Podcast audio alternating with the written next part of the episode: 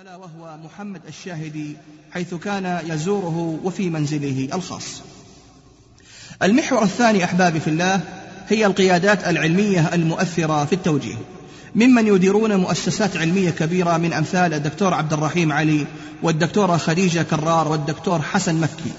وهذا الأخير قد أثار ضجة إعلامية ضخمة بسبب نشر آرائه في الصحف حول الصحابي الجليل عثمان بن عفان رضي الله عنه وعن جميع أصحاب رسول الله مما يوضح مدى تغلغل هذا الفكر الشيعي الدخيل في أنفسهم وشدة تأثرهم به ومحاولتهم إقناع الناس بذلك. ومن الإنجازات التي حققها الشيعة في السودان احتواؤهم الواضح لأكبر الصحف قبولا عند الناس وهي جريدة الوفاق التي بدأت تنشر مقالاتهم ومسائلهم وعقائدهم وتلمع الكتاب المتأثرين بالتشيع وتنشر مقالاتهم.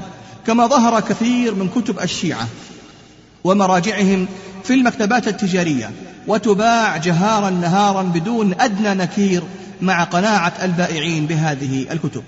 وتذكر المعلومات أنه قد بلغ عدد السودانيين المتشيعين حسب الإحصائيات الرسمية بالوثائق السرية المعتمدة لدى السفارة الإيرانية في السودان ما يزيد على خمسة عشر ألف سوداني متشيع كما تم تشييع بعض القرى برمتها.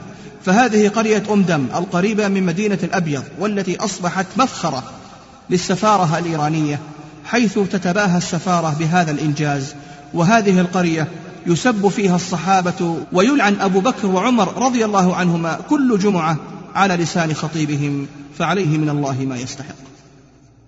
كذلك من القرى التي تشيعت الكربة في شمال السودان التي يسكنها إحدى قبائل الشمال وهي الرباطاب إضافة إلى ذلك ما زالت الجهود على قدم وساق في تشييع ثلاث قرى في غرب السودان في ولاية دارفور. وكذلك بدأ التشيع يتسلل إلى البلاد عن طريق ما تمنحه إيران من منح دراسية للطلاب السودانيين والذي عن طريقهم ولجت أفكار وعقائد التشيع أرض السودان المسلم وكانت تلك أرضية مناسبة لإنشاء ما يعرف الآن بالمراكز الثقافية الإيرانية حيث تم تعيين السفير الإيراني مهدي مروي سفيرا للسودان وهو نشط في مجال تطوير العلاقات السودانية الإيرانية. فقام بإنشاء تلك المراكز ومن أبرز أنشطة هذا السفير انضمامه لجمعية الصداقة الشعبية العالمية. باسم جمعية الصداقة السودانية الإيرانية. وقد ربطت هذه الجمعية بالسفارة الإيرانية مباشرة وقد أسهمت هذه الجمعية في تنشيط المراكز الثقافية الإيرانية وغيرها من الأنشطة الدعوية حيث يتوجه أعضاء هذه الجمعية إلى المكتبات التابعة لتلك المراكز. والملفت للنظر إخواني في الله هي الزيارات المتكررة من الشيعة الإيرانيين لشيوخ الطرق الصوفية. وتوثيق العلاقة بهم وخصوصا من يدعي منهم أنه من آل البيت والتظاهر لهؤلاء الشيوخ بأنهم يجتمعون وإياهم في محبة آل البيت ومناصرتهم وأن أساس اعتقادهم واحد. وهكذا تتوالى الزيارات لهؤلاء مع الإغراءات المادية لهم فتكونت العلاقات المتينة. ومن خلال هؤلاء الشيوخ تم الوصول إلى مريديهم وأتباع طريقتهم وسمح لهم بإلقاء المحاضرات في مساجدهم وقراهم. كل هذا حدث بسبب اجتماعهم مع الطرق الصوفية في محبة آل البيت. ومن المعلوم أن العمل المؤسسي الإغاثي من أشد الأنشطة تأثيرا على الفرد والمجتمع إذ يجد الفرد نفسه عضوا في العمل بالتدريج ولابد أن يتشرب أثناء عمله شاء أم أبى بأفكار صاحب العمل. وهذا ما اتجهت إليه أنظار الشيعة في السودان.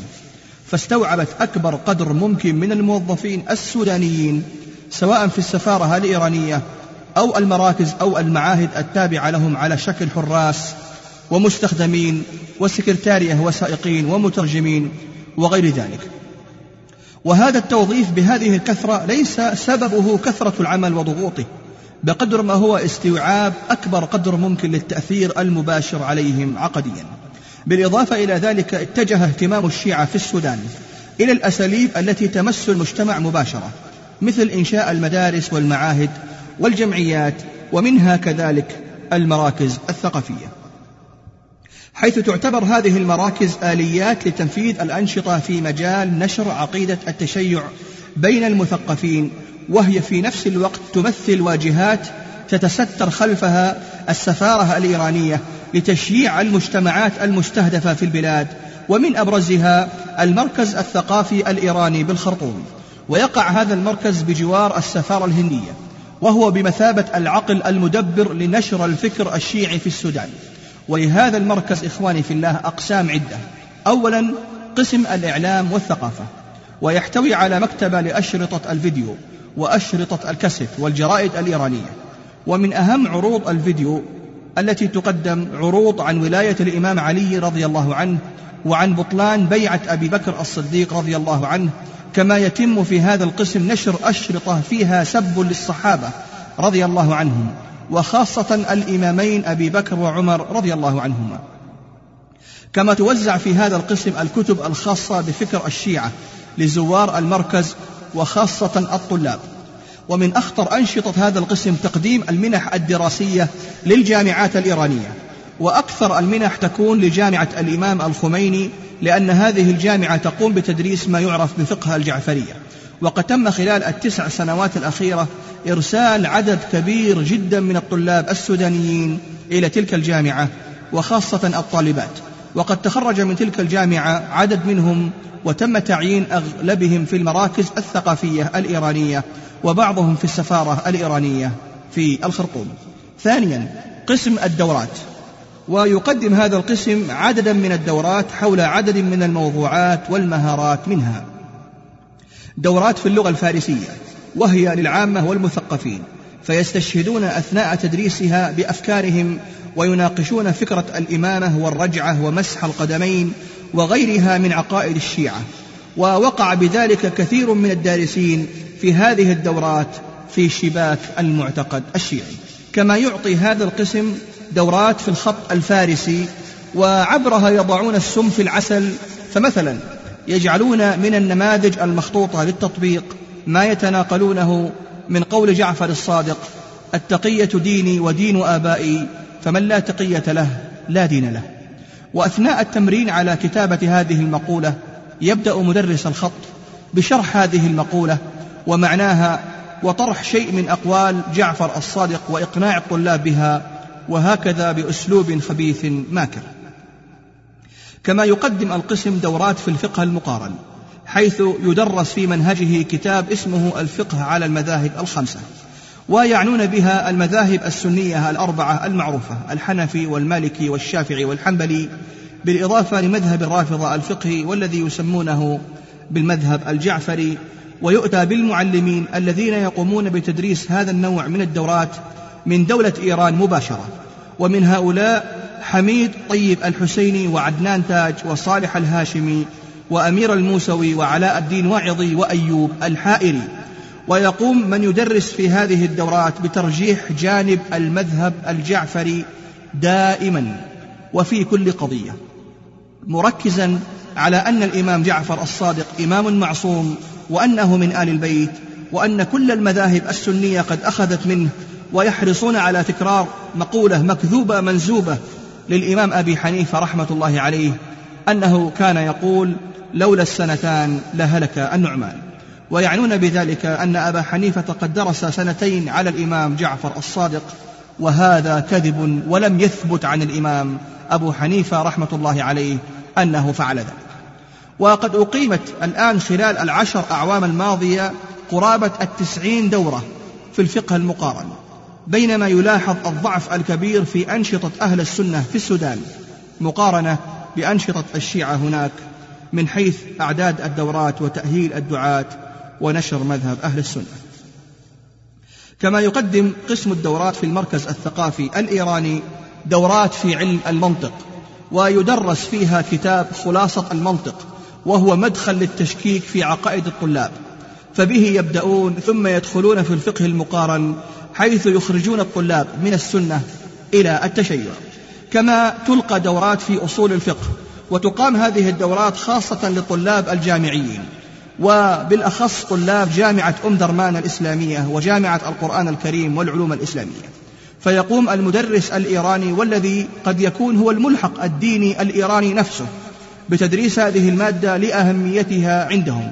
ففي هذه المادة خاصة يتكلمون عن الخلاف بين السنة والشيعة وعن الإمامين أبي بكر وعمر رضي الله عنهما. وقد يتكلمون عن دعوة الإمام المجدد محمد بن عبد الوهاب بسوء القول في كل مناسبة بل وبغير مناسبة ويكفرون الصحابة إلا قليلا فيثور النقاش بين الطلاب في مسألة لعن الصحابة. وقد ينتهي هذا النقاش أحيانا بإقناع عدد ليس بالقليل من الطلاب. ومن هؤلاء المتخرجين المتميزين المتشبعين بعقيدة الشيعة الرافضة من يكون داعية متجولا يجوب الأندية الرياضية ومجامع الشباب وقد رصدت حركات ثلاثة من هؤلاء الشباب قد قدموا إلى مدينة الحصاحيصة وهم يدعون الشباب في أحد الأندية دعوة فردية لإقناعهم باعتناق عقيدة الرافضة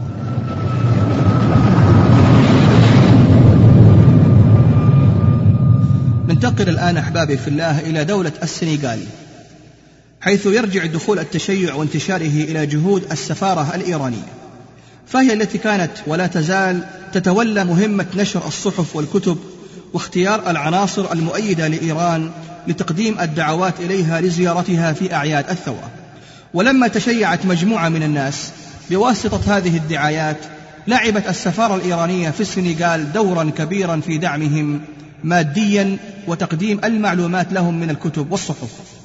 بل إنهم كانوا يجتمعون في أول الأمر داخل السفارة الإيرانية ويتلقون فيها الدروس التكوينية حتى أسسوا أخيرا حركة تعرف باسم حلقة المثقفين. أما عن دور اللبنانيين الشيعة فإن هجرتهم إلى أفريقيا تزامنت مع مجيء الاستعمار ولكن اللبنانيين بحكم طبيعتهم وغرابة توجهاتهم الشيعية اعتزلوا المجتمع السنغالي المسلم ثقافيا وبقوا يمارسون شعائرهم التعبدية في معابدهم الخاصة والتي تعرف بالحسينيات.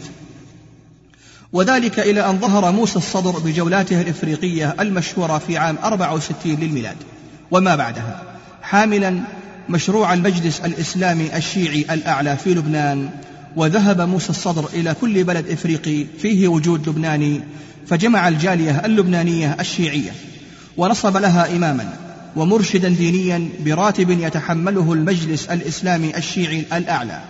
فنصب للجالية اللبنانية في السنغال عبد المنعم الزيني وبنى له بعض اللبنانيين مركزا فخما في دكار قرب وزارة المالية. وسموه المركز الاجتماعي الإسلامي والبناية تحتوي على أربع طوابق الطابق الأرضي وفيه نادي الرسول والطابق الأول وفيه مسجد الإمام علي والمستوصف الإسلامي. أما الطابق الثاني ففيه جمعية الهدى الخيرية والطابق الثالث وفيه الإدارة العامة. ويعالج المرضى في المستوصف بأجور زهيدة. وتوجد في المركز مدرسة تسمى مدرسة الزهراء حيث يقوم فيها شيخهم عبد المنعم الزين بتدريس بعض الأفارقة السنغاليين وإذا وثق بهم يرسلهم إلى لبنان أو إلى دولة إيران ليواصلوا دراستهم كما أنشأ اللبنانيون الشيعة تحت إشراف شيخهم عبد المنعم الزين مسجدا كبيرا في محطة السيارات وأسموه مسجد الدرويش ونصب له إماما سنغاليا.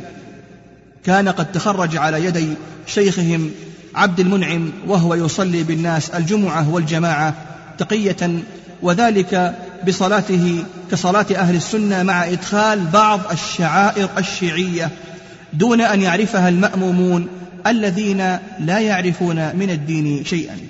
ومن أنشطة شيخهم عبد المنعم الزين أنه مول رجلا في منطقة تسمى كيجاواي ففتح مدرسة ابتدائية عربية يدرس فيها الأطفال السنغاليون ويبث فيهم سموم الشيعة خفية.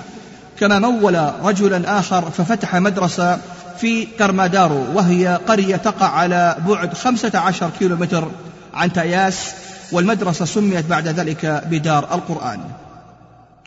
أما عن الصحف والمجلات فيعتمد الشيعة السنغاليون على مطبوعات إيران التي ينشر منها مثلا جريدة كيهان العربي. وهي يومية في إيران أسبوعية خارجها. وكذلك جريدة الوحدة الإسلامية وهي عربية شهرية. وصوت الثورة الإسلامية في العراق أسبوعية. بالإضافة إلى الرسالة وهي أسبوعية ناطقة باللغة الفرنسية وتصدر أحيانا شهريا. وتؤخذ كل هذه المطبوعات من السفارة الإيرانية. كما يأخذون منها كتبا مثل كتاب ثم اهتديت وكتاب لأكون من الصادقين. وكتاب فاسألوا أهل الذكر للصوفي المتشيع التيجاني الضال أما عن الطرق الصوفية في السنغال فإن إيران تحاول كسب ودهم بتقديم دعوات لمشايخهم لزيارة دولة إيران. وهذا يوضح لنا مدى العلاقة القوية بين الشيوخ الصوفية وشيوخ الشيعة الذي يؤكد لنا مدى التشابه الوثيق بين التصوف والتشيع وهذا ما أحاول أن أوضحه في محاضرة مستقلة بإذن الله تعالى تحت عنوان العلاقة بين التصوف والتشيع.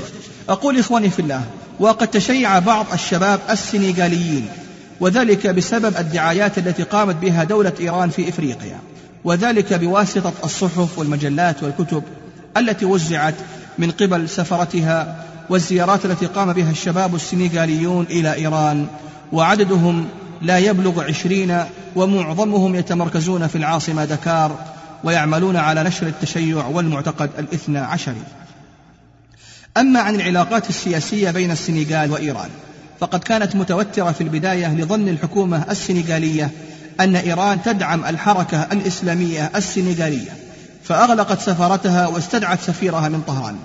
ولما عرفت أن إيران لا تريد دعم الحركة وإنما تريد دعم التشيع وهو يضعف الحركة الإسلامية أعادت الحكومة السنغالية العلاقات مع إيران ففتحت إيران سفارتها من جديد وفتحت الحكومة السنغالية سفارتها في إيران.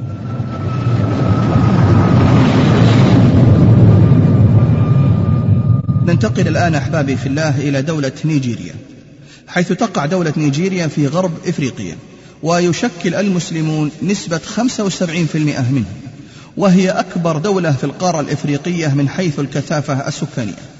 وهنا السؤال يقول كيف دخل التشيع إلى نيجيريا؟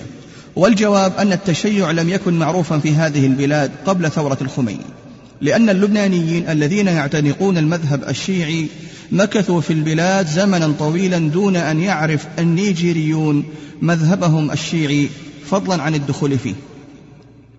أما بعد الثورة الإيرانية التي حملت شعار تصدير الثورة إلى العالم وقع بعض الشباب المتحمسين وخاصة المثقفين منهم في ورطة التشيع جهلا منهم بحقيقة الثورة الإيرانية ودين الشيعة.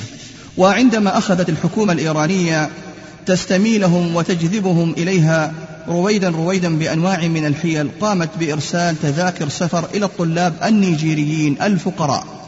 ليشاهدوا بعض المناسبات الشيعية مثل عيد الثورة ويستقبلونهم استقبال كبار الزوار وهم طلاب فقراء ويمدونهم بأموال طائلة وبدأت الصحف والمطبوعات الإيرانية الشيعية تدخل البلاد. حيث تطبع في إيران مجلة بلغة الهوسة باسم الرسالة الإسلامية وجريدة الميزان والمطبوعة أيضا بلغة الهوسة في نيجيريا والتي تدعم كليا من إيران فهي لسان الشيعة في نيجيريا. كما فتحت دولة إيران أبواب مدارسها ومعاهدها للطلاب النيجيريين وسخرت لهم منحا دراسية. ويوجد الآن عدد كبير من الطلاب النيجيريين يدرسون في إيران والعراق في مختلف التخصصات ويصل عددهم إلى المئات في كل من مدينة قم والنجف. كذلك إخواني في الله فإن الشيعة في نيجيريا في بداية أمرهم لم يكونوا يدعون إلى التشيع علنا. بل تلبسوا بلباس الإخوان المسلمين ذلك الحزب المعروف.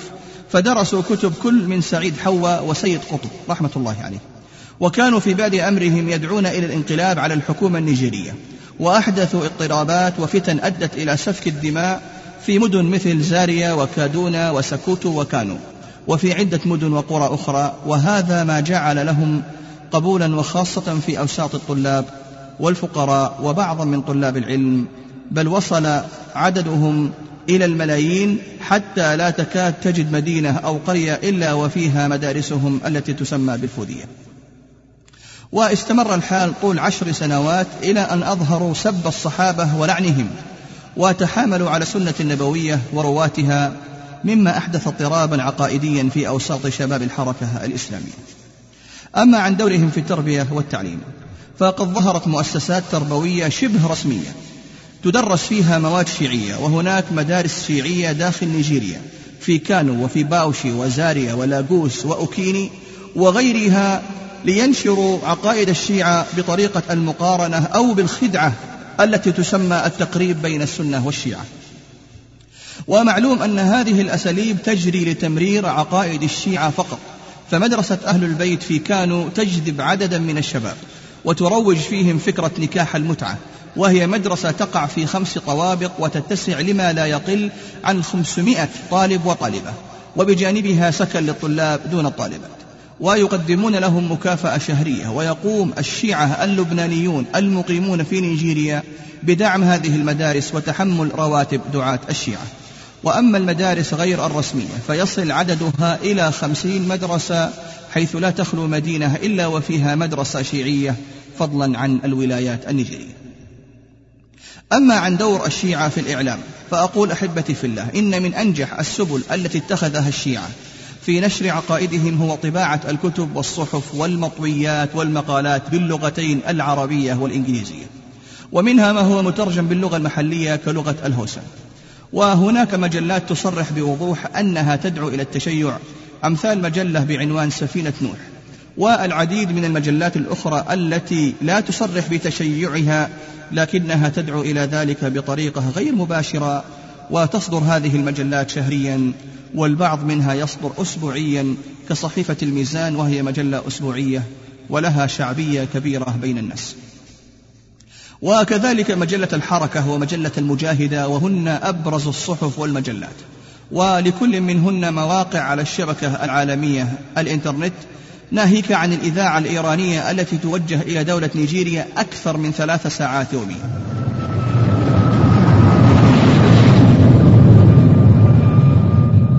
انتقل الآن إخواني في الله إلى دولة الفلبين. فعلى إثر وصول الخميني إلى كرسي الحكم في طهران أخذت حكومة الملالي والآيات على عاتقها بتصدير دين الرفض والتشيع وخرافات الخميني وأمثاله التي بثوها عبر منشوراتهم عن طريق وسائل إعلامهم. ومن هنا تحولت سفارات إيران في الخارج إلى بؤر لنشر معتقداتهم ولما كانت سفارتهم في الفلبين من أكبر أوكارهم بالخارج ومن أكثرها حركة وذات إمكانيات كبيرة وعدد غفير من الطلاب الإيرانيين الدارسين في الجامعات الفلبينية المختلفة. وهم الذين ينظمون أنفسهم تحت ما يسمى باتحاد الطلاب الإيرانيين بالفلبين. اتبع الشيعة الإيرانيون طرقا شتى وفعالة للوصول لأهدافهم في المجتمع الفلبيني المسلم من أهمها ما يلي. أولا الإغراء بالمال حيث كان المال من أقوى الوسائل التي أغروا بها مسلمي الفلبين فقد دخلوا إلى الفلبين بأموال كثيرة لثقتهم بالأثر القوي جدا لهذا العنصر في بلد يعاني مسلموه من فقر شديد فاستغلوا حاجة الناس أسوأ استغلال تماما كما يفعل المنصرون الصليبيون في عوام المسلمين في كل مكان. ثانيا توجيه الدعوات للعلماء والدعاة في الفلبين لزيارة إيران حيث حرص الشيعة منذ البداية على توجيه دعوات رسمية للعلماء والدعاة من أهل السنة لزيارة إيران ويقومون بتقديم كل التسهيلات اللازمة لهم من مصاريف وتذاكر سفر وتأشيرات وتنظيم لقاءات رسمية مع رؤساء ومسؤولي الحكومة في طهران. بل وحتى إصدار وثائق سفر إيرانية خاصة لبعضهم وتسفير من يريد عن طريق أوروبا بطريقة غير مباشرة حتى لا تعرف ذلك عنه الحكومة الفلبينية مع عدم وضع تأشيرات في جواز سفره الأصلي والمؤلم أنه قل أن يسلم أحد من مسلمي الفلبين ممن زار إيران من التشيع باستثناء اثنين فقط من العلماء. ثالثا تنظيم المؤتمرات والندوات. حيث ينظم الشيعة الإيرانيون في الفلبين مؤتمرات وندوات ينفقون عليها أموالا ليست قليلة وغالبا ما تعقد هذه الندوات والمؤتمرات في المناسبات الدينية الشيعية مثل يوم عاشوراء وغيرها أو المناسبات الوطنية الإيرانية. وقد أعد أول مؤتمر لهم في الفلبين في عام 1984 للميلاد في محافظة لاغونا المجاورة للعاصمة مانيلا. وقد أشرف على ذلك المؤتمر الإيراني المدعو علي ميرزا وهو أنشط شيعي في الفلبين في مجال الدعوة لمعتقده. وتقول بعض المصادر الفلبينية أن علي ميرزا هذا مرتبط بأجهزة الاستخبارات الإيرانية. وقد دعي هذا المؤتمر أكثر من سبعين من علماء أهل السنة المحليين تحت شعار يقول توحيد صفوف علماء مسلمي الفلبين.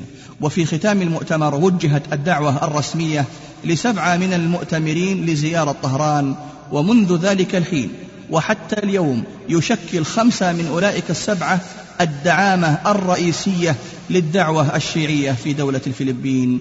وعلى رأس هؤلاء المدعو علوم الدين سعيد والذي لقبوه بعد ذلك بإمام الفلبين. رابعا وسائل الإعلام. يقوم الشيعة في الفلبين باستغلال وسائل الإعلام المسموعة والمقروءة خاصة المقروءة بشكل واسع فيقومون بنشر كتبهم ومطبوعاتهم باللغات العربية والإنجليزية.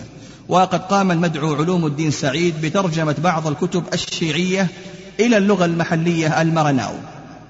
ويقومون كذلك بتوزيع هذه المطبوعات على المدارس والمعاهد الإسلامية بل وحتى الأشخاص عن طريق عناوينهم البريدية دون علم أصحاب هذه العناوين. ومن أشهر تلك الكتب التي يقومون بتوزيعها كتاب ثم اهتديت للضال المحترق التيجاني. أما عن الوسائل المسموعة فيقوم الشيعة الفلبينيين بتأجير بعض ساعات الإرسال في إذاعة مدينة مراوي الإسلامية ويتعمدون خلال ذلك مهاجمة علماء ودعاة أهل السنة. كما أن القسم الثقافي في السفارة الإيرانية في العاصمة مانيلا. يقوم ببث برنامج أسبوعي عبر ما يسمى بإذاعة الهداية وصوت الإرشاد. هذا بالإضافة إلى توزيع الآلاف من صور الخميني وخامئني أمام المساجد في أيام الجمع والمناسبات والاحتفالات الدينية. خامسا تأسيس مكتبات عامة ومساجد ومدارس خاصة حيث عمد الشيعة الإيرانيون بالتعاون مع الشيعة الفلبينيين. إلى إنشاء ثلاث مكتبات عامة في مواقع تجمع المسلمين السنة فأقاموا اثنتين في مدينة مراوي حيث تبلغ نسبة المسلمين فيها السنة 95% من السكان. الأولى أي المكتبة الأولى أطلقوا عليها مكتبة حزب الله ويقوم بالإشراف عليها بعض المثقفين ثقافة غربية من أبناء الفلبين.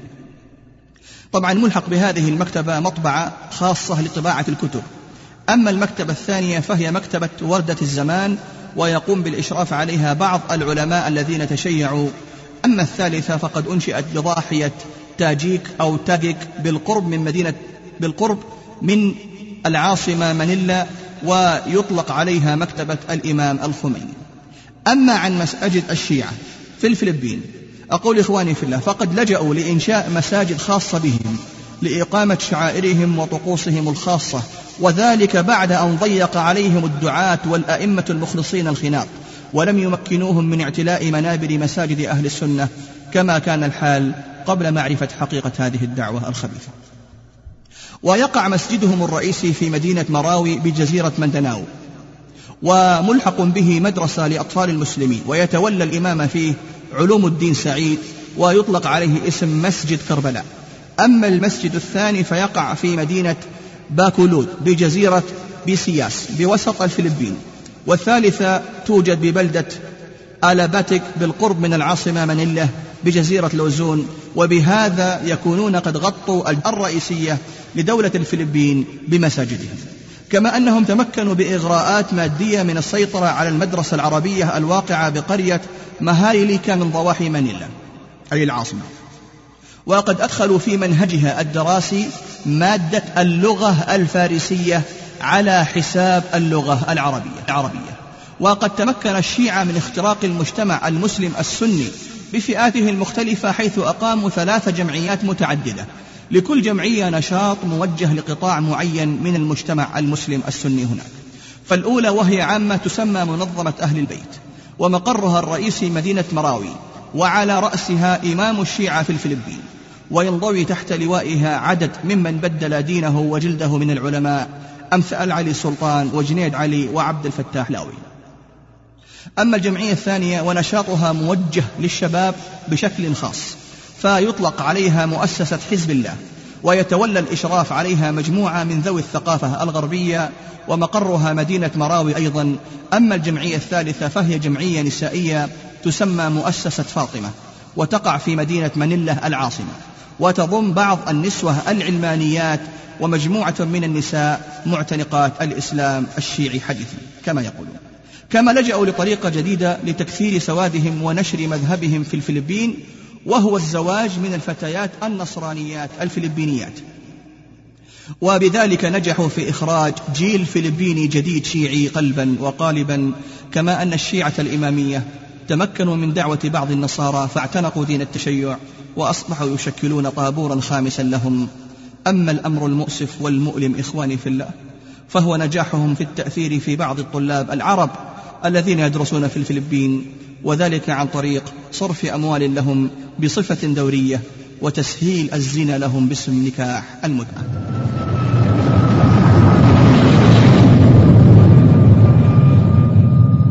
ننتقل الآن أحبابي في الله إلى دولة إندونيسيا. فإندونيسيا دولة مسلمة.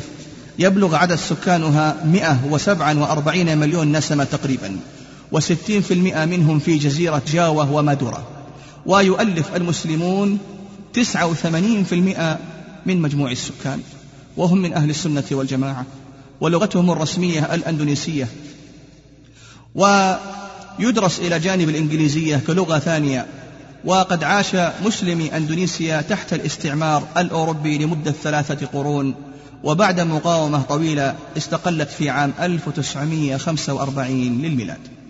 وقد بدأت الجهود الشيعية في دولة أندونيسيا بتبادل الزيارات وإهداء الكتب وعرض الأفلام ونشر مجلة القدس مما أثار الشباب المتحمسين بلهيب الثورة الإيرانية ومما زاد الطين بلة وجود فئة من المؤيدين من علماء السنة لهذه الأكذوبة التي تسمى بالتقريب بين السنة والشيعة إضافة إلى امتلاك السفارة الإيرانية برامج دعوية قريبة المدى وبعيدة المدى. وهذه السفارة هي تعمل ليلا ونهارا في نشر عقيدتها وكان موظفوها يستدرجون الناس في تعاملهم بالظهور بالأخلاق الطيبة. ولما قويت علاقة حسين الحبشي بالسفارة الإيرانية وهو صاحب المعهد الإسلامي في نانجيل بدأ يرسل خريج المعهد إلى مدينة قم في دولة إيران عن طريق ماليزيا وباكستان. وبعد أربع سنوات عاد هؤلاء الشباب وأصبحوا دعاة للتشيع في بلادهم. ولما كثر أفرادهم حتى أصبح عددهم بالمئات قاموا بتنظيم أنفسهم وتوزيع المهام حسب المدن والحاجة وذلك بربط عامة الناس بعلماء علماء الشيعة. وبجهودهم المتواصلة قامت أكثر من أربعين مؤسسة شيعية تنتشر الآن في أنحاء إندونيسيا. فظهرت جامعة في بونجيت جاكرتا باسم الزهراء يمولها أحد رجال الأعمال واسمه فاضل محمد وحلقات كثيرة منها حلقة في جينانغ تشامبي داك. كل ليلة سبت وظهر معهد مطهري في باندونغ يرأسه جلال الدين رحمة وهو دكتور في السياسة من أستراليا. وظهر كذلك معهد خاص في باكولو ناغان. ويرأسه أحمد بارقبة زعيم الشيعة بلا منازع. ولكن الناس ممن يقيمون حول المعهد قاموا بتخريبه فأغلق ثم فتح مرة أخرى وهو يشرف على الدعاة الشيعة ويقوم كذلك بالجولات التشييعية أيضا. كما ظهر معهد الحجة في قنبر تحت إشراف عشماوي. وتنتشر أيضا عشرات المعاهد الأخرى التي تقوم الآن بمهمة تعليم عقيدة التشيع أمثال المعهد الإسلامي في بانجيل إضافة إلى ظهور مؤسسات تربوية أخرى شبه رسمية تدرس فيها مواد شيعية كما قاموا بإدخال الأساتذة الشيعة إلى الجامعات والمعاهد والمدارس الرسمية وذلك لينشروا عقائدهم بطريقة المقارنة بالتقريب بين السنة والشيعة. ومعلوم أن هذه الأساليب الهدف منها أحبابي في الله هو نشر المعتقد الاثنى عشري الشيعي في أوساط عوام أهل السنة في بلاد أندونيسيا. وكذلك فإن من أنجح السبل التي اتخذها الشيعة في نشر عقائدهم الباطلة بين المسلمين في إندونيسيا. هو طباعة الكتب عن طريق دور النشر الخاصة بهم والتي منها مثلا دار الميزان في باندونغ ودار الفردوس والهداية في جاكرتا وغيرها كثير جدا. وأخطر هذه الكتب إطلاقا كتاب المراجعات وهو عبارة عن حوار مختلق بين عالم الشيعة عبد الحسين. لاحظ عبد الحسين شرف الدين وشيخ الأزهر سليم البشري وكتاب السقيفة أول افتراق الأمة للطبيب عمر هاشم وهو من الحضارمة العلويين. وكتاب ثم اهتديت لمؤلفه الصوفي التيجاني الضال محمد التونسي وهو عبارة عن تصورات صوفي مغفل جاهل. يظهر تأثره ببدعيات الشيعة فيتحول لمذهبهم والقصة فيما يبدو ملفقة ومصطنعة إضافة أحبابي في الله إلى المجلات التي تصرح وبوضوح أنها تدعو إلى التشيع أمثال مجلة القدس التي تصدرها السفارة الإيرانية ومجلة الحكمة التي يصدرها جلال الدين وبطانته في منطقة باندونغ ومجلة الحجة التي يصدرها عشماوي من قنبر أما دولة أفغانستان أحبابي في الله. فتنقسم التركيبة العرقية للشيعة الإمامية في أفغانستان إلى خمسة أقسام وهي الهزارة والفارسوان والقزلباش والشوركي باسال وأقلية صغيرة من البشتون. وسأحاول أن أتكلم أحبابي في الله وإخواني في الله عن كل مجموعة من هذه المجموعات باختصار سريع وسوف أبدأ بالشيعة الهزارة نظرا لكثرتهم حيث أنهم يمثلون الأغلبية والقوة الضاربة للشيعة الإمامية الاثنى عشرية في دولة أفغانستان. فالشيعة الهزارة اختلف المؤرخون كثيرا في خلفيتهم التاريخية. فمنهم من قال أن أصلهم من الجنس المغولي ومن صفاتهم أن بعيونهم ضيقا مع ميل لحاظها نحو الرأس ولحاهم غالبا ليست إلا بعض شعرات نابتة في أذقانهم. وبالجملة فإن تركيبة وجوه الشيعة الهزارة تشبه تركيبة وجوه الصينيين أو التتر الأصليين. ولا بد أن ننبه إخواني في الله أنه ليس كل طائفة الهزارة شيعة ولكن غالبيتهم من الشيعة الاثنى عشرية. وقسم منهم من أهل السنة وقسم آخر ضئيل وقليل جدا هم من الشيعة الإسماعيلية الأغاخانية فمثلا هزارة أهل السنة يقطنون في قلعة نوبي هارت. وتعتبر مجموعة الهزارة أكبر تجمع شيعي في دولة أفغانستان. وهم يتمركزون في المناطق الوسطى من أفغانستان والتي تضم الولايات التالية باميان وغزني وأورزكان وسمنغان وبلخ وجوزجان وبروان ووردك. وبالطبع ليست كل هذه الولايات شيعية. فمثلا ولاية غزني 42% من أهاليها شيعة. وأما أما ولاميان فكلها شيعة إلا المركز. وبالنسبة لوردك فنسبة الشيعة لا تتجاوز 22% كما يتمركز الشيعة الهزارة بشكل خاص في الأودية والجبال الوعرة خاصة بعد الحروب التي اندلعت بينهم وبين الأمير عبد الرحمن من بين عام 1880 إلى عام 1901 للميلاد. وتنقسم الهزارة إلى قبيلتين كبيرتين وهما الباسكو والديزنكيكو.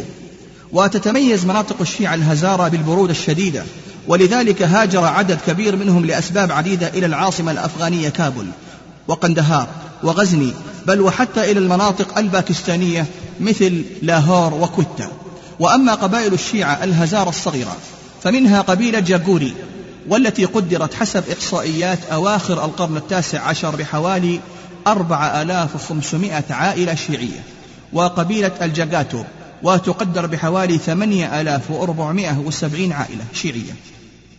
وهم يتمركزون في شمال غرب غزني إضافة إلى قبائل شير علي وعددها يقدر بحوالي ثلاثة آلاف وتسعين عائلة شيعية.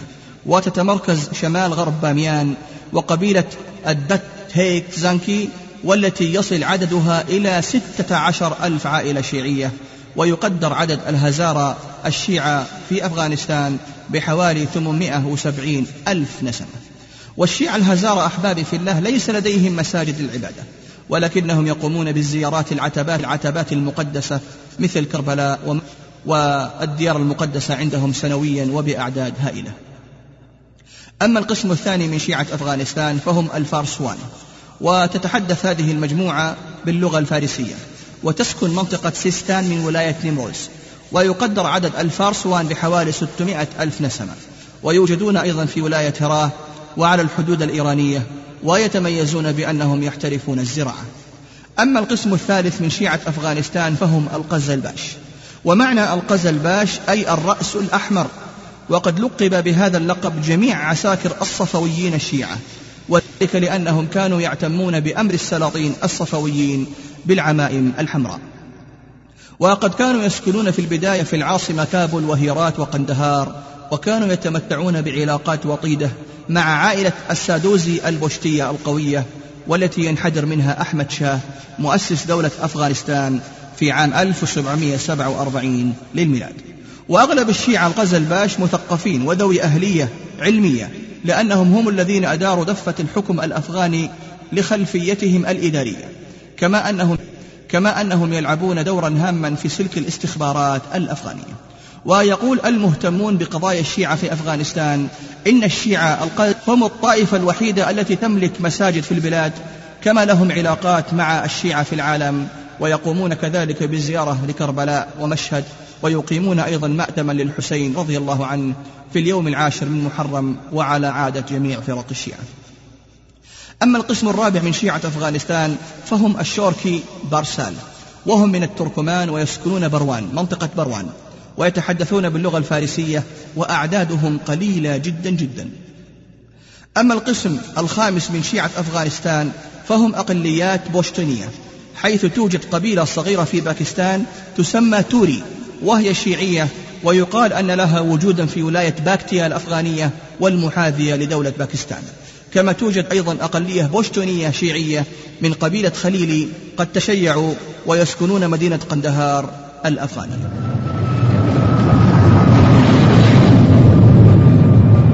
أما إذا انتقلنا أحبابي في الله إلى دولة تركيا فإن العقيدة الإسلامية تتعرض في تركيا منذ قيام النظام الرافضي الشيعي في إيران إلى هجوم عنيف من قبل الشيعة الإمامية الاثنا عشرية. وذلك بوسائلهم المتعددة والمتنوعة التي تهدف إلى إقناع مختلف طبقات الشعب التركي بأن النظام الإيراني هو قائد الحركات الإسلامية في العالم وحامل لواء الجهاد ضد الكفار والحكام المنحرفين وأن الخميني هو إمام المسلمين. ولذلك فهم يهدفون في النهاية إلى تحويل عوام المسلمين الأتراك إلى الشيعة وخصوصا أولئك الذين ليس لهم دراية كافية بحقيقة الشيعة.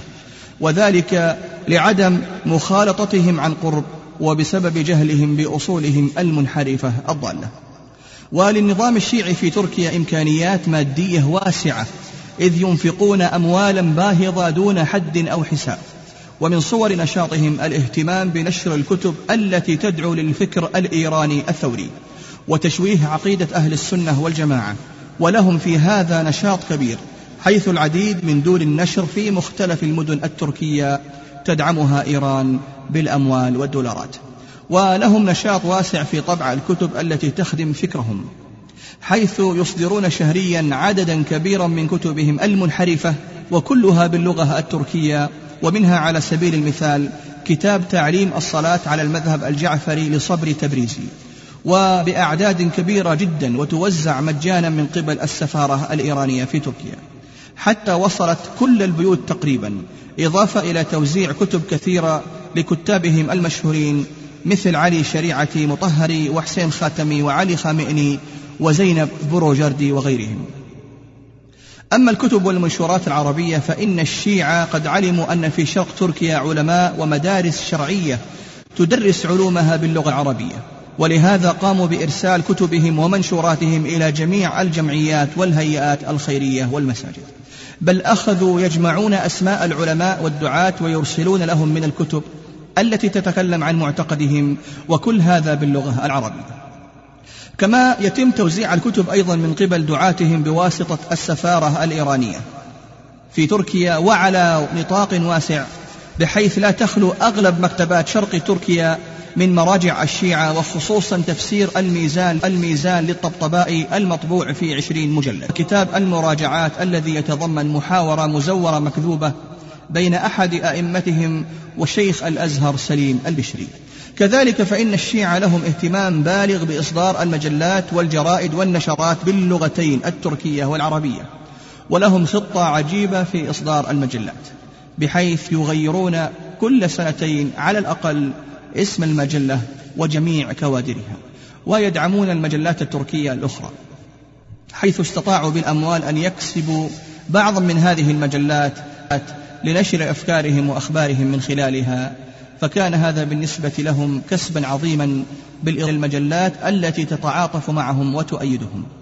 أما المجلات الناطقة باسمهم باللغة التركية فتدخل إلى دولة تركيا مجلتان منها مجلة الشهيد ومجلة سروش. ومن الجرائد جريدة الهلال الدولي والتي يرأسها الدكتور كليم صديقي وتوزع بكثرة وبشكل مجاني وتصل إلى عناوين قرائها بانتظام أما مضمون المجلات والجرائد فهو دعوة صريحة إلى معتقد الشيعة الإمامية إضافة إلى أنهم استطاعوا بنشاطهم وإمكانياتهم المادية الضخمة السيطرة على عدد من المجلات الإسلامية ودور النشر التي تدافع وتذود عنهم وتعمل لهم وعلى حسابهم باسم أهل السنة والجماعة وتحت ستار نشر الدعوة الإسلامية. كما فتحت السفارة الإيرانية في تركيا دورات خاصة لتعليم اللغة الفارسية خلال ستة أشهر والذي يتقن اللغة في هذه المدة القصيرة تهدي له السفارة مكتبة مليئة بالكتب الفارسية وتذكرة سفر إلى إيران لمدة شهرين وعلى حساب السفارة وتتم الرحلة تحت إشراف السفارة مباشرة. كما أنهم ابتكروا إعلاما جديدا خبيثا عبارة عن فرقة مسرحية متجولة في مدن تركيا وخصوصا المدن الشرقية ويسمون هذه الفرقة بالمسرحيات الإسلامية حيث يقومون بتمثيل التاريخ الإسلامي من العهد الأموي والعباسي وعملية ذبح الحسين رضي الله عنه وغيرها من الأمور الحساسة التي ترجع لصالحهم ولإظهار أهل السنة بأنهم السلطة الظالمة لأهل البيت رضي الله عنهم. أما الجانب التعليمي فقد ركز الشيعة على استقطاب مجموعة من شباب أهل السنة الأتراك حيث يقومون بتدريسهم في الحوزات العلمية بمدينة قم وسهلت لهم سبل الدراسة على نفقتها وبالطبع في النهاية يخرج هؤلاء الشباب دعاة للمعتقد الشيعي ويعملون لهم في أوساط المجتمع التركي وهذا يعد من أخطر أعمالهم التخريبية الخبيثة. لأنهم يستقطبون الأذكياء والبارزين الذين لهم مكانة في المجتمع التركي وكل هذا يتم تحت ستار شعارات براقة جذابة كاذبة مثل الشعار الذي ينشرونه بين عوام بين عوام السنة الذي يقول سنية ولا شيعية أو شعار التقريب بين المذاهب الإسلامية. وأسبوع الوحدة بينما أغلب كتبهم ونشراتهم تهاجم السنة وأهلها.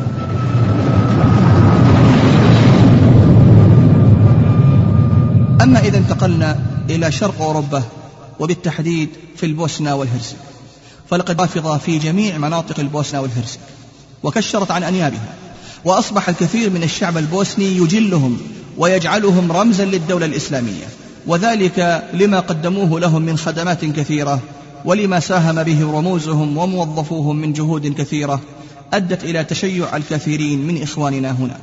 بل وتزوج العديد من الرافضة الشيعة من أخواتنا ولا حول ولا قوة إلا بالله. ومن هذه الجهود التي قامت بها الشيعة في البوسنة والهرسك في الآونة الأخيرة تأسيس الهلال الأحمر الإيراني حيث قاموا بتأسيس الهلال الأحمر الإيراني وقاموا بتوزيع الطعام على أسر الذين قتلوا من المجاهدين وهو من أهم العقبات التي تقف في طريق الدعوة السلفية في البوسنة والهرسك. إضافة إلى فتح مركز العهد وهو مركز ثقافي ديني. يقوم فيه الشيعة بتدريس المواد الدينية المختلفة كالفقه الجعفري والعقيدة الاثنى عشرية إضافة إلى اللغة الفارسية. ويقوم الشيعة بتوفير جميع المواد الغذائية في هذا المركز إضافة إلى المبيت مجانا للطلبة المغتربين. كما يشرف المركز على طباعة الكتب الدينية التي تنشر المعتقد الشيعي. كما أنهم يعلنون دائما أن مذهبهم مذهبهم الرافضي الشيعي هو أحد المذاهب الإسلامية تماما وأن الخلاف بينهم إنما هو في الفروع فقط وبهذا يدلسون على كثير من عوام المسلمين هناك. كذلك فإن الشيعة قاموا بفتح قاعدة عسكرية تدريبية بمدينة فيسكو يقومون فيها بتدريب الجنود على جميع أنواع الأسلحة والتدريبات القتالية الأخرى. وذلك بالترتيب مع الجيش البوسنوي. كما يقومون بتمويل وحدة عسكرية أصبح الآن اسمها اسم لطيف. بعد, بعد استمالتهم لقائدها صالكو عمر بيغوفيتش. كما قام الشيعة باستقطاع والقادة ولهذا نظم الإيرانيون زيارة خاصة لرؤساء مدينة فيسكو لإيران. وكان فيها كل من مرساد شهانوفيتش رئيس حزب ال SDA وهو الحزب الديمقراطي. والدكتورة رامزة علي أهيموفيتش وهي أستاذة بكلية الدعوة في زينيتسا وسالكو عمر بيغوفيتش قائد كتيبة عبد اللطيف العسكرية.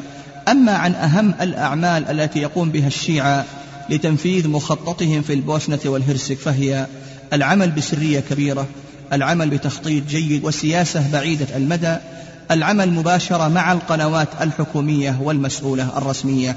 فتح سفارتين إيرانيتين في سراييفو وزغرب التعاقد مع حكومة كرواتيا ليتم تصنيع سفن لهم وبهذه الطريقة يتم تشغيل أكثر من ثلاثين ألف عامل في مصنع السفن الكرواتي وبذلك يتمكن الشيعة من السيطرة على الحكومة الكرواتية. ومن هنا يسمح للشيعة بحرية التنقل وجلب المواد المختلفة من طعام وأوراق.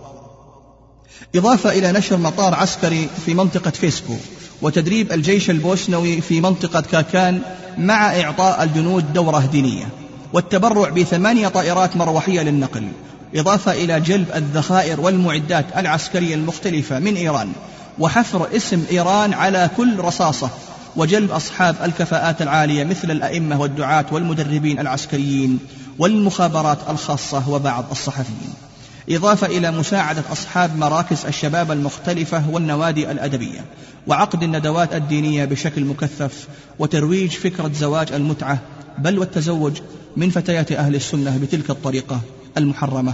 إضافة إلى بعث الأئمة وأصحاب الخبرات العالية العالية إلى إيران من البوسنة والهرسك إلى طباعة الكتب والمجلات التي تخدم المذهب الشيعي مع مراعاة عدم تجريح أهل السنة وعدم ذكر الاختلافات المذهبية وقد ألفوا كتابا في السيرة النبوية وهمشوا كثيرا من الصحابة رضوان الله عليهم ولم يذكروا إلا دور علي رضي الله عنه فقط ووضعوا جائزة قدرها ألف مارك لمن يحفظ هذا الكتاب ووزعت المسابقة في جميع أنحاء البوسنة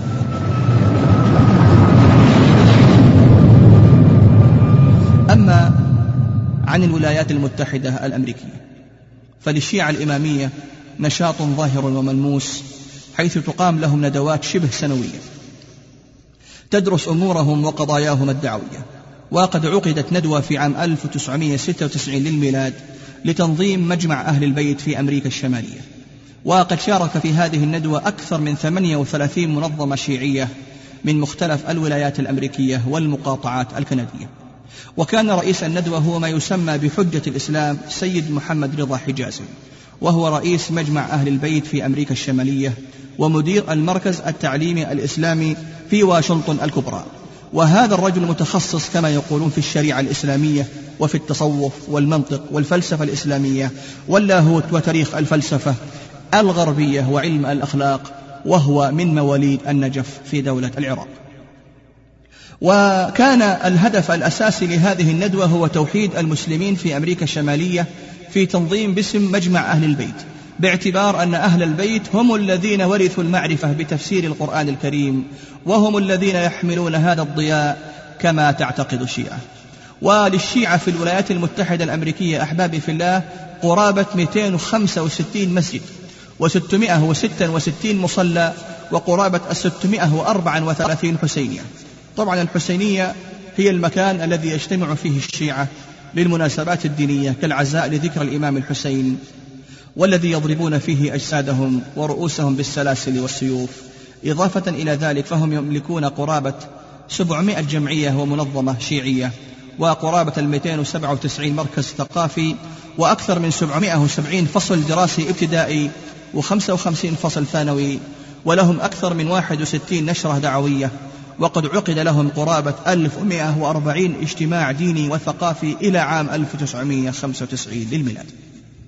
أما في كندا فقد أسس الشيعة قرابة 27 مسجد و64 مصلى و107 حسينية وقرابة المئة وعشرين جمعية ورابطة وأربعين مركزا ثقافيا وستة وتسعين فصل دراسي ابتدائي وأربعة عشر فصل دراسي ثانوي وقرابة اثنين وعشرين نشرة وعقد له بأكثر من 189 اجتماع ديني وثقافي حتى عام 1995 للميلاد. وفي خلال 25 سنة الأخيرة كان معدل زيادة عدد المسلمين عموما من جميع الطوائف في الولايات المتحدة الأمريكية هو 2115% وصل معدل الزيادة الشيعية من هذه النسبة إلى 350% ونحاول الآن إخواني في الله أن نقوم بتوزيع المساجد الخاصة بالشيعة على المدن والولايات الأمريكية. فمثلا كاليفورنيا يوجد فيها 115 مسجد لعموم المسلمين للشيعة منها 22 مسجد. نيويورك يوجد فيها 109 مسجد للشيعة منها 18 مسجد. تكساس يوجد فيها 83 مسجد للشيعة منها 17 مسجد. فلوريدا يوجد فيها 74 مسجد للشيعة منها 16 مسجد. أوهايو يوجد فيها 61 مسجد للشيعة منها 12 مسجد. نيو جيرسي يوجد فيها 48 مسجد للمسلمين للشيعة منها تسعة مساجد. جورجيا يوجد فيها 39 مسجد لعموم المسلمين للشيعة منها سبع مساجد. فيرجينيا يوجد فيها 38 مسجد للشيعة منها سبع مساجد. انديانا يوجد فيها 32 مسجد للشيعة منها ست مساجد. أما ميرلاند فيوجد فيها 30 مسجد للشيعة منها ست مساجد. أما إذا أردنا أن نفصل قليلا فنقول ولاية ألاباما فيها أربع مساجد وثمانية مصليات ومصليات وأحد عشر حسينية وسبع جمعيات وأربع مراكز. ألاسكا فيها آيات وحسينية واحدة وثلاث جمعيات ومركزين ثقافيين. أريزونا فيها ثلاث مساجد سبع مصليات وتسع حسينيات وست جمعيات وثلاث مراكز. كاليفورنيا فيها 22 مسجد و58 مصلى و26 حسينية. كولورادو ثلاث مساجد عشر مصليات عشر حسينيات. واشنطن مسجدين سبع مصليات ثمانية حسينيات. فلوريدا ستة عشر مسجد أربع وعشرين مصلى وواحد وعشرين وعشرين حسينية. جورجيا سبع مساجد ثلاثة عشر مصلى وأربعة عشر حسينية. إنديانا ست مساجد صلى ثمانية عشر حسينية. مينيسوتا خمس مساجد 12 مصلى خمسة عشر حسينية. نيو جيرسي تسع مساجد ثلاثة وعشرين مصلى وعشرين حسينية. نيويورك ثمانية, ثمانية عشر مسجد اثنين وأربعين مصلى خمسة وثلاثين حسينية. أما تكساس ففيها سجد وثلاثين مصلى وثمانية وعشرين حسن حسينية أما في كندا إخواني في الله فيوجد في ولاية إنتاريو أربع وثلاثين لعموم, لعموم المسلمين للشيعة منه تسع مساجد وفي ولاية كوبيك يوجد ثلاثين مسجد لعموم المسلمين للشيعة منها سبع مساجد. أما عن مطبوعات الشيعة في أمريكا فقد كانت أول شرارة هي رابطة الطلاب والتي أنشأها الطلاب الإيرانيون كغالبية حيث أصدرت الرابطة عدة منشورات ومطبوعات ومن هذه النشرات والدوريات الهدى وتنشرها مؤسسة الإمام الخوئي في نيويورك والحق وتصدرها الخدمات الإنسانية الإسلامية بكندا. والجعفرية أوبزيرف وتصدر من لوس أنجلوس بكاليفورنيا والقبلة وتصدر من باليم هورست في نيويورك وحسيني News وتصدر من شيكاغو. أما المجلات فمنها مجلة The Right Path أي الطريق الصحيح وتصدر من انتاريو بكندا ومجلة Living Islam والتي تصدر من كاليفورنيا. أقول إخواني في الله هذا ما تيسر الحديث عنه وإلا فإن الأمر جد خطير وما خفي فالله أعلم به فالواجب على علماء المسلمين وأمرائهم تقوى الله تعالى وأن يحصنوا عوام أهل السنة من هذا الخطر الداهم الذي لا يفرق بين صغير وكبير. ولا بين أمير وحقير ولا بين رجل وامرأة فالكل عند الشيعة الرافضة نواصب قد عادوا آل البيت رضوان الله عليهم. وليعلم الجميع إخواني في الله أننا في سفينة واحدة الأمراء والعلماء والدعاة والأطفال والرجال والنساء من أهل السنة. أقول كلنا في سفينة واحدة فلنتق الله تعالى في سنة محمد صلى الله عليه وسلم ولنحذر من خرق هذه السفينة وذلك بالدعوة إلى توحيد الله تعالى. التوحيد الصافي النقي الذي توضح فيه هذه العقائد المنحرفة والمندسة بيننا ليحذرها عامة أهل السنة في مشارق الأرض ومغاربها.